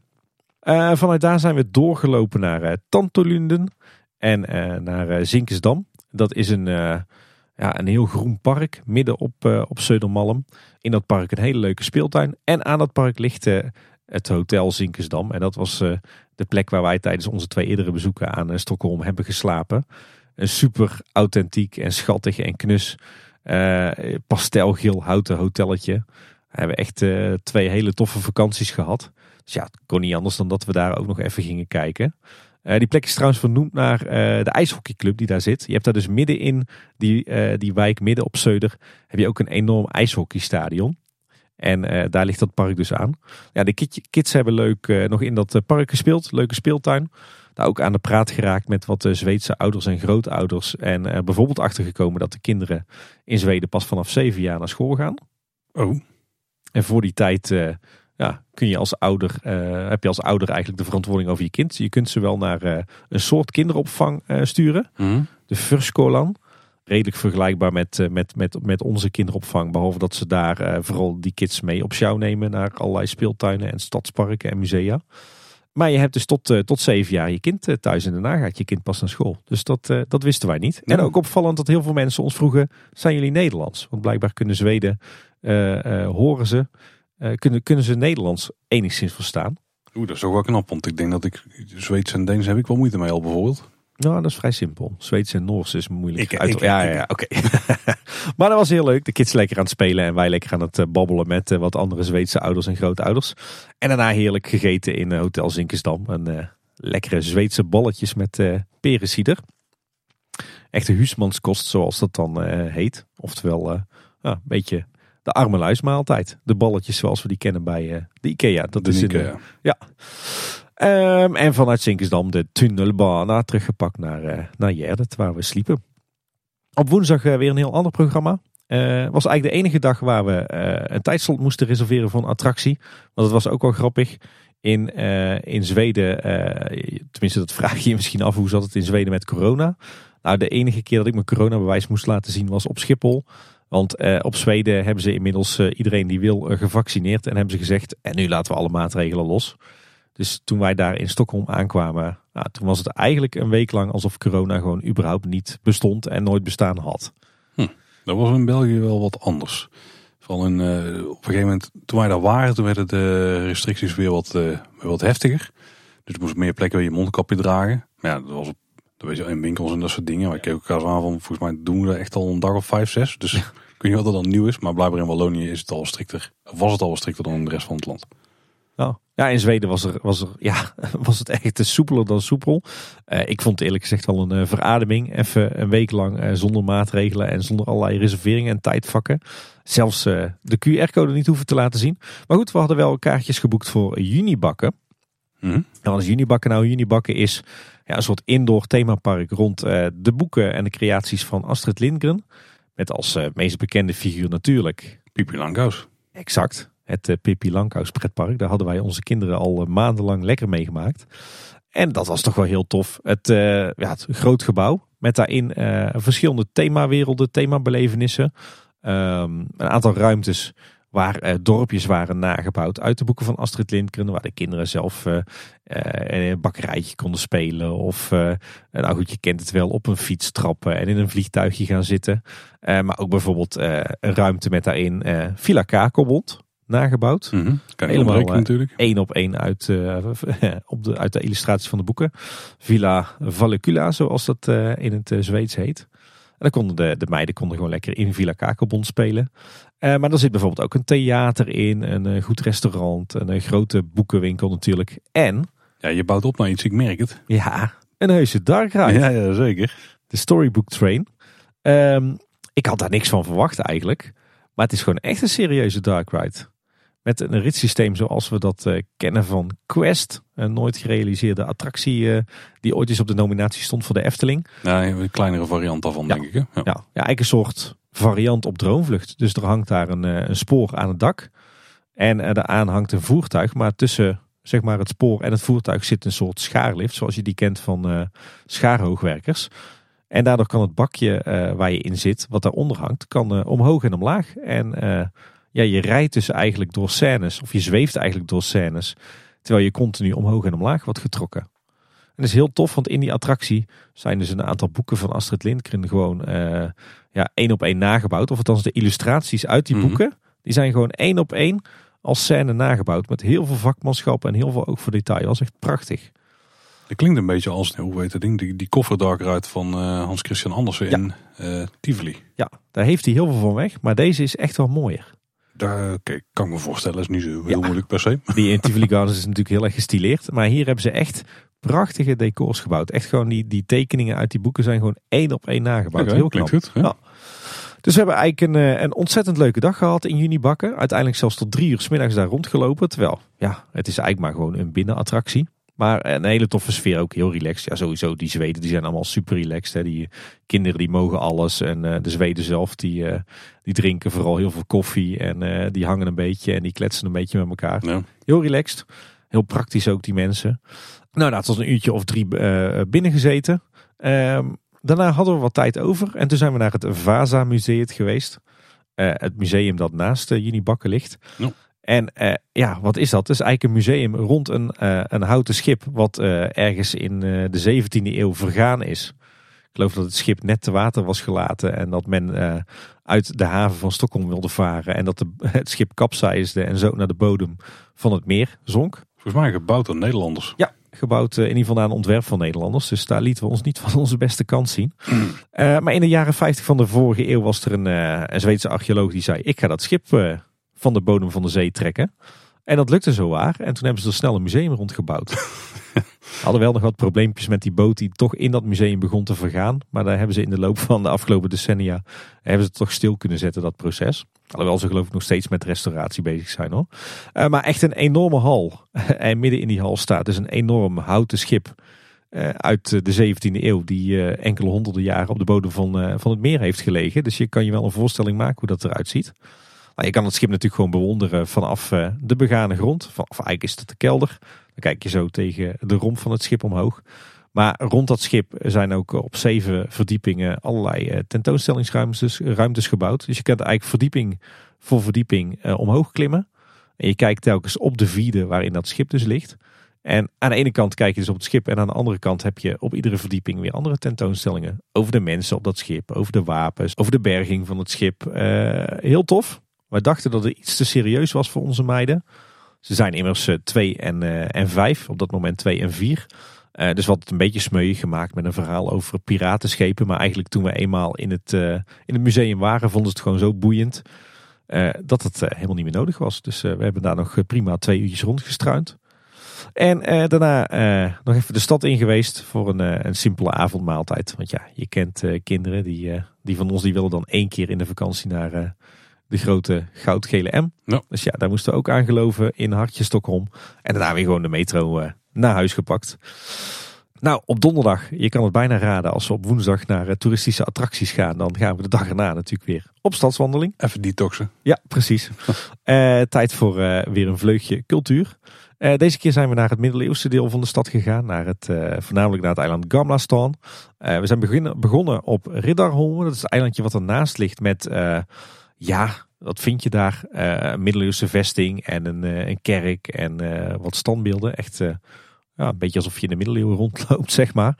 Daar zijn we onze wandeling begonnen. Een wandeling overigens gebaseerd op de wandeling in het reisgidsje 100% Stockholm. inmiddels heet dat Time to Momo Stockholm. Die heb je al vaker aangeraden. Ja, hele toffe wandelingen staan erin. Eigenlijk over ieder eiland waar Stockholm uit bestaat. Uh, die hebben we hier weer opgepakt, klein beetje geïmproviseerd. Maar we zijn dus begonnen op Riddarholmen en al snel naar uh, Gamla Stan gelopen. Uh, daar even koffie gedronken bij de Espresso House, wat de Zweedse tegenhanger is van de Starbucks. en veel beter en veel leuker is dan de Starbucks, want je hebt er veel lekkerdere koffie en nog veel lekkerder gebak. Dus daar moesten we zeker even langs. Nou, een hele mooie wandeling gemaakt over Gamla Stan. Echt uh, ja, zeg maar het middeleeuwse deel van, van Stockholm. Gelegen op uh, dat rotsachtige eiland met heel veel uh, hoogteverschillen. Nou ja, hoe moet je dat voorstellen? dat eiland is helemaal volgebouwd met, met hoge gebouwen. allemaal met stukgeveltjes, met pasteltintjes en klokgeveltjes en trapgeveltjes. Die staan allemaal heel dicht tegen elkaar aan. En daartussen heb je hele smalle straatjes van kinderkopjes. Heel veel steegjes met trapjes. En onderin al die middeleeuwse huizen of gebouwen. Er zitten allerhande winkeltjes en restaurantjes. Extreem toeristisch. Maar omdat het laagseizoen was, was er eigenlijk geen toerist te bekennen. Hm. Maar we hebben heel lang gedaan over die wandeling. Omdat uh, Anne en de kinderen uh, zo'n beetje in ieder winkeltje wilden kijken. Dus uh, het had de nodige, kostte de nodige tijd om Gamla Stan rond te komen. Het was overigens ook redelijk slecht weer die ochtend. De dag ervoor trouwens ook. Het regende pijpenstelen. Maar gelukkig waren dat de enige twee dagen dat we daar echt flinke regen hadden. Al hadden we daar natuurlijk niet heel veel last van.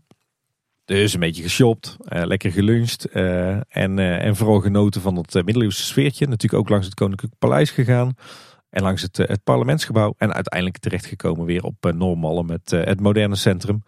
Ook weer even geshopt natuurlijk bij de H&M. Daar kon ik niet onderuit met de, drie vrouwen bij mij thuis. En de Allens, het, de Zweedse variant op de, de V&D. Maar dan bestaat hij daar nog wel. En uiteindelijk in de middag, namiddag weer naar Vazastan gelopen.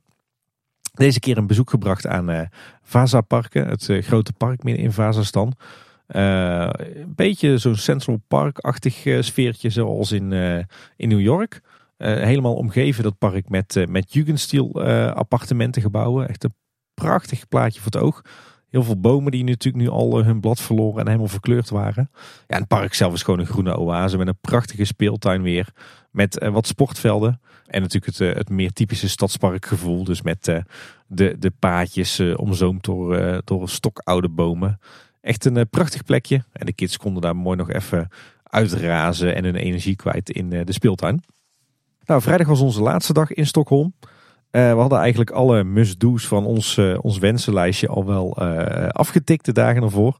Dus het was tijd voor het reservelijstje. En uh, daar stond uh, voor deze vrijdag uh, het Natuurhistoriska Rijksmuseum op de planning. En dan denk ik dat jij al wel een vermoeden hebt, Paul, wat dat is. Een Natuurhistorisch Museum. Exact. Kan niet missen. En dan niet zoals we hier tegenwoordig Naturalis hebben. Maar meer nog echt zo'n klassiek natuurhistorisch museum. zoals je dat bijvoorbeeld zou kunnen kennen uit New York. Zoals je dat natuurlijk zou kunnen kennen uit eh, New York hè, met het Museum of Natural History bij het Central Park. Maar je hebt eigenlijk in iedere grote stad heb je zo'n zo'n typisch natuurhistorisch museum. Hier dus ook in een schitterend oud gebouw. naast de universiteit gelegen, dus ook weer prima bereikbaar met de metro. En daar heb ik ook een superleuke dag gehad met de meiden. Hele toffe zalen. eentje natuurlijk met dino's, eentje met mammoeten en rond de prehistorie. Een hele toffe interactieve zaal over eh, de planten en dieren in eh, Scandinavië. Met eh, heel veel dioramaatjes met opgezette dieren. Er was ook nog zo'n zo'n speciale filmzaal waar je apart kaartjes voor kon kopen. Een beetje vergelijkbaar met het, het Omniversum hier, weet je wel. Waarin de film in zo'n mhm. bol wordt geprojecteerd. Hebben we als, als ja, mooi intermezzo ook nog even een film zitten kijken. Volgens mij Oceans van BBC Earth. Ook heel tof. En uh, ja, zo had je ook een, een zaal met walvisskeletten, een zaal over uh, de poolgebieden, een zaal met allerlei opgezette dieren. ja, gewoon echt zo'n klassiek natuurhistorisch museum, waarvan het gebouw minimaal net zo mooi was als de collectie zelf. Dus ja, gewoon echt lekker de hele dag met de kinderen door dat museum lopen, rennen en ravotten en ja, onze ogen uitgekeken. Uiteindelijk aan het, het eind van de dag voor ons laatste avondmaal natuurlijk de metro na Zinkensdam op Zeutelmalm gepakt. En nog even ja, die Zweedse balletjes gegeten hè, als laatste avondmaal. en uiteindelijk uh, op zaterdag, de zevende dag, moesten we weer terug naar Nederland. Toevallig deze keer wel een gunstige vluchttijd. Ik geloof dat we pas om half twee, kwart voor twee vlogen. Oh. Dus we konden tot, uh, tot 11 uur in ons Airbnb-appartement blijven. Dat was toevallig ook de uitchecktijd, dus dat kwam goed uit. Dus gewoon heerlijk op het gemak uitgeslapen, ontbeten, opgeruimd, tassen ingepakt. En om 11 uur de taxi naar de luchthaven. En eh, nou, vanuit daar ook weer een hele relaxe terugvlucht. Ook weer eh, geen vertraging en de kinderen gewoon eh, netjes op de stoel eh, een beetje kleurplaten maken en een beetje eten en een beetje snoepen. Dus eh, nou, ook weer een super vlekkeloze vlucht terug. Hier in Nederland wel weer een uur op de taxi moeten wachten, want die stond vast op de A2. Dus dan weet je meteen weer dat je terug in Nederland bent. Ben je helemaal kapot van zeven dagen vakantie en dan heb je om half vijf met de taxi afgesproken en dan komt hij uiteindelijk tegen zessen. Dat was een beetje een domper. Maar uh, ja, uiteindelijk al met al echt een fantastische vakantie gehad in Stockholm. Enorm genoten weer van de stad. En ondanks dat het uh, onze derde keer daar was, toch weer heel veel nieuwe dingen gezien en gedaan. Ja, sowieso was het een hele andere ervaring, omdat we voor het eerst met de kids waren. En ook omdat het nu herfst was. Dus nee, absoluut enorm genoten van, van de week. Ik denk dat een beetje de rode draad in de, de buitenwereld wel is dat op vakantie gaan met kinderen je echt niet hoeft te belemmeren om een goede vakantie te hebben. Nee, zeker niet. En wat ik heel vaak hoor is dat mensen zeggen van ja, als je kleine kinderen hebt, dan, dan kan je toch niet op stadswandeling? Of dan ga je toch niet uit eten? Nou ja, dat is zo'n beetje onze hele week in Stockholm bestond uit stadswandelingen en uit eten gaan met de kinderen van twee en vier. Dus uh, dat kan wel degelijk. Alleen ja, uh, onze ervaring is, je, moet het gewoon leuk voor iedereen maken. Dus uh, wij proberen meestal een afwisseling te maken tussen de ene dag echt iets toeristisch doen als een pretpark of een dierentuin of een kindvriendelijk museum. En de andere dag een stadswandeling. En tijdens die stadswandeling proberen we dan nou, ook weer te zorgen voor een mix. Hè. Dus een mix van cultuur en architectuur afgewisseld met ergens koffie bij een bakkertje. Een keer een uitzichtpunt. En ik denk eerlijk gezegd dat het ook een misvatting is dat kinderen per se speeltuinen nodig hebben tijdens een stadswandeling. Hoor. Want in mijn ervaring vinden ze een toren, een uitzichtpunt, een kasteel, een paleis, uh, een stadspark. nou ja, dat vinden ze eigenlijk ook allemaal super interessant, hoe klein ze ook zijn. Ja. En dat geldt eigenlijk ook met uit eten gaan. Kijk, je moet misschien niet naar een super deluxe, super duur restaurant.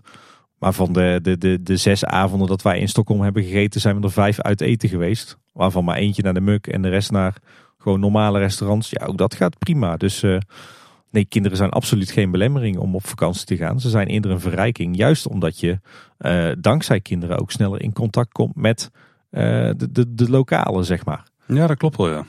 Je raakt toch sneller aan de praat, zeker met, met andere ouders. Nou, dat is ook onze ervaring inderdaad. En dat is toch weer leuk, want dan krijg je toch weer andere dingen mee van zo'n stad. Dan dat je gewoon als een toerist met een camera om je nek en een boekje voor je buik uh, die stadswandeling afraffelt. Nou, dat zal dan uh, wederom de wijze les zijn uit deze aflevering. Ja, vooral blijven reizen als je kinderen hebt. Heb, je, heb jij nog vakantieplannen, Paul? Nou, eigenlijk geen hele concrete. Ik weet ook eigenlijk niet eens wanneer de eerste volgende keer zal op vakantie gaan. Ik denk pas in het voorjaar dat we echt uitgebreid ja. uh, weer de tijd ervoor nemen. Ja. ja, in tegenstelling tot eerdere plannen hebben wij ook maar besloten om de kerstvakantie te skippen. Dus wij werken gewoon twee volle weken door. Buiten de feestdagen natuurlijk. En wij hebben ook uh, ja, toch wel de intentie, als het corona gewijs kan, om in de carnavalsvakantie uh, even een weekje te vluchten. Te vluchten, ja. ja. volgens mij moet dan hier iedereen gewoon werken. In mei vakantie staat er weer twee weken. Maar waar we heen gaan, dat is nog een grote vraag. Ja, we hebben wel een, uh, een shortlist met bestemmingen inmiddels. Ook voor de zomer. Bij ons hangt het volledig af van hoe ver we kunnen rijden zonder al te veel gedoe. Dat was in ieder geval weer voor deze aflevering van De Buitenwereld. Wil je nou contact met ons zoeken? Ja, dan moet het toch via de kanalen van Kleine Boodschap. We hebben tegenwoordig op kleineboodschap.com slash volgen alle plekken staan waar je ons kunt volgen. Maar je kunt ook natuurlijk gewoon mailen naar info.kleineboodschap.com. Ja, en we hebben ook nog een website eh, www.kleineboodschap.com. Daar vind je alle afleveringen van Kleine Boodschap en van de buitenwereld. En daar vind je ook een contactformulier. En dat contactformulier kan je ook weer gebruiken om uh, een berichtje voor ons achter te laten. En maak daar zeker ook gebruik van als je bijvoorbeeld vragen hebt of uh, op zoek bent naar, naar tips. Bijvoorbeeld voor een vakantie met de camper. Of een vakantie in Scandinavië. Of een vakantie met kinderen. Want we vinden het allebei hartstikke leuk om erover te kletsen. En om jullie van advies te voorzien als jullie daarop zitten te wachten. Ja, zeker. Dus laat het ons dan weten. Dat kan ook via een van de andere plekken natuurlijk. Alle afleveringen van de buitenwereld die vind je natuurlijk in je podcast app. Dus zoek die daar even op en abonneer dan erop als je nog meer van dit soort verhalen wil horen in de toekomst. Maar je kunt ook naar kleineboodschap.com gaan. Dan vind je bovenin ook een mooi item, de buitenwereld. En daar staan alle afleveringen opgezomd met heel belangrijk show notes. En uh, verder luister je de buitenwereld ook in Spotify en in alle podcast apps. En let eens even op, de buitenwereld en Kleine Boodschap zijn twee aparte podcast. Dus zorg dat je op alle twee abonneert. Zeker. Dat was weer voor deze keer. Tot een volgende buitenwereld. Bedankt voor het luisteren en houdoe. Hey.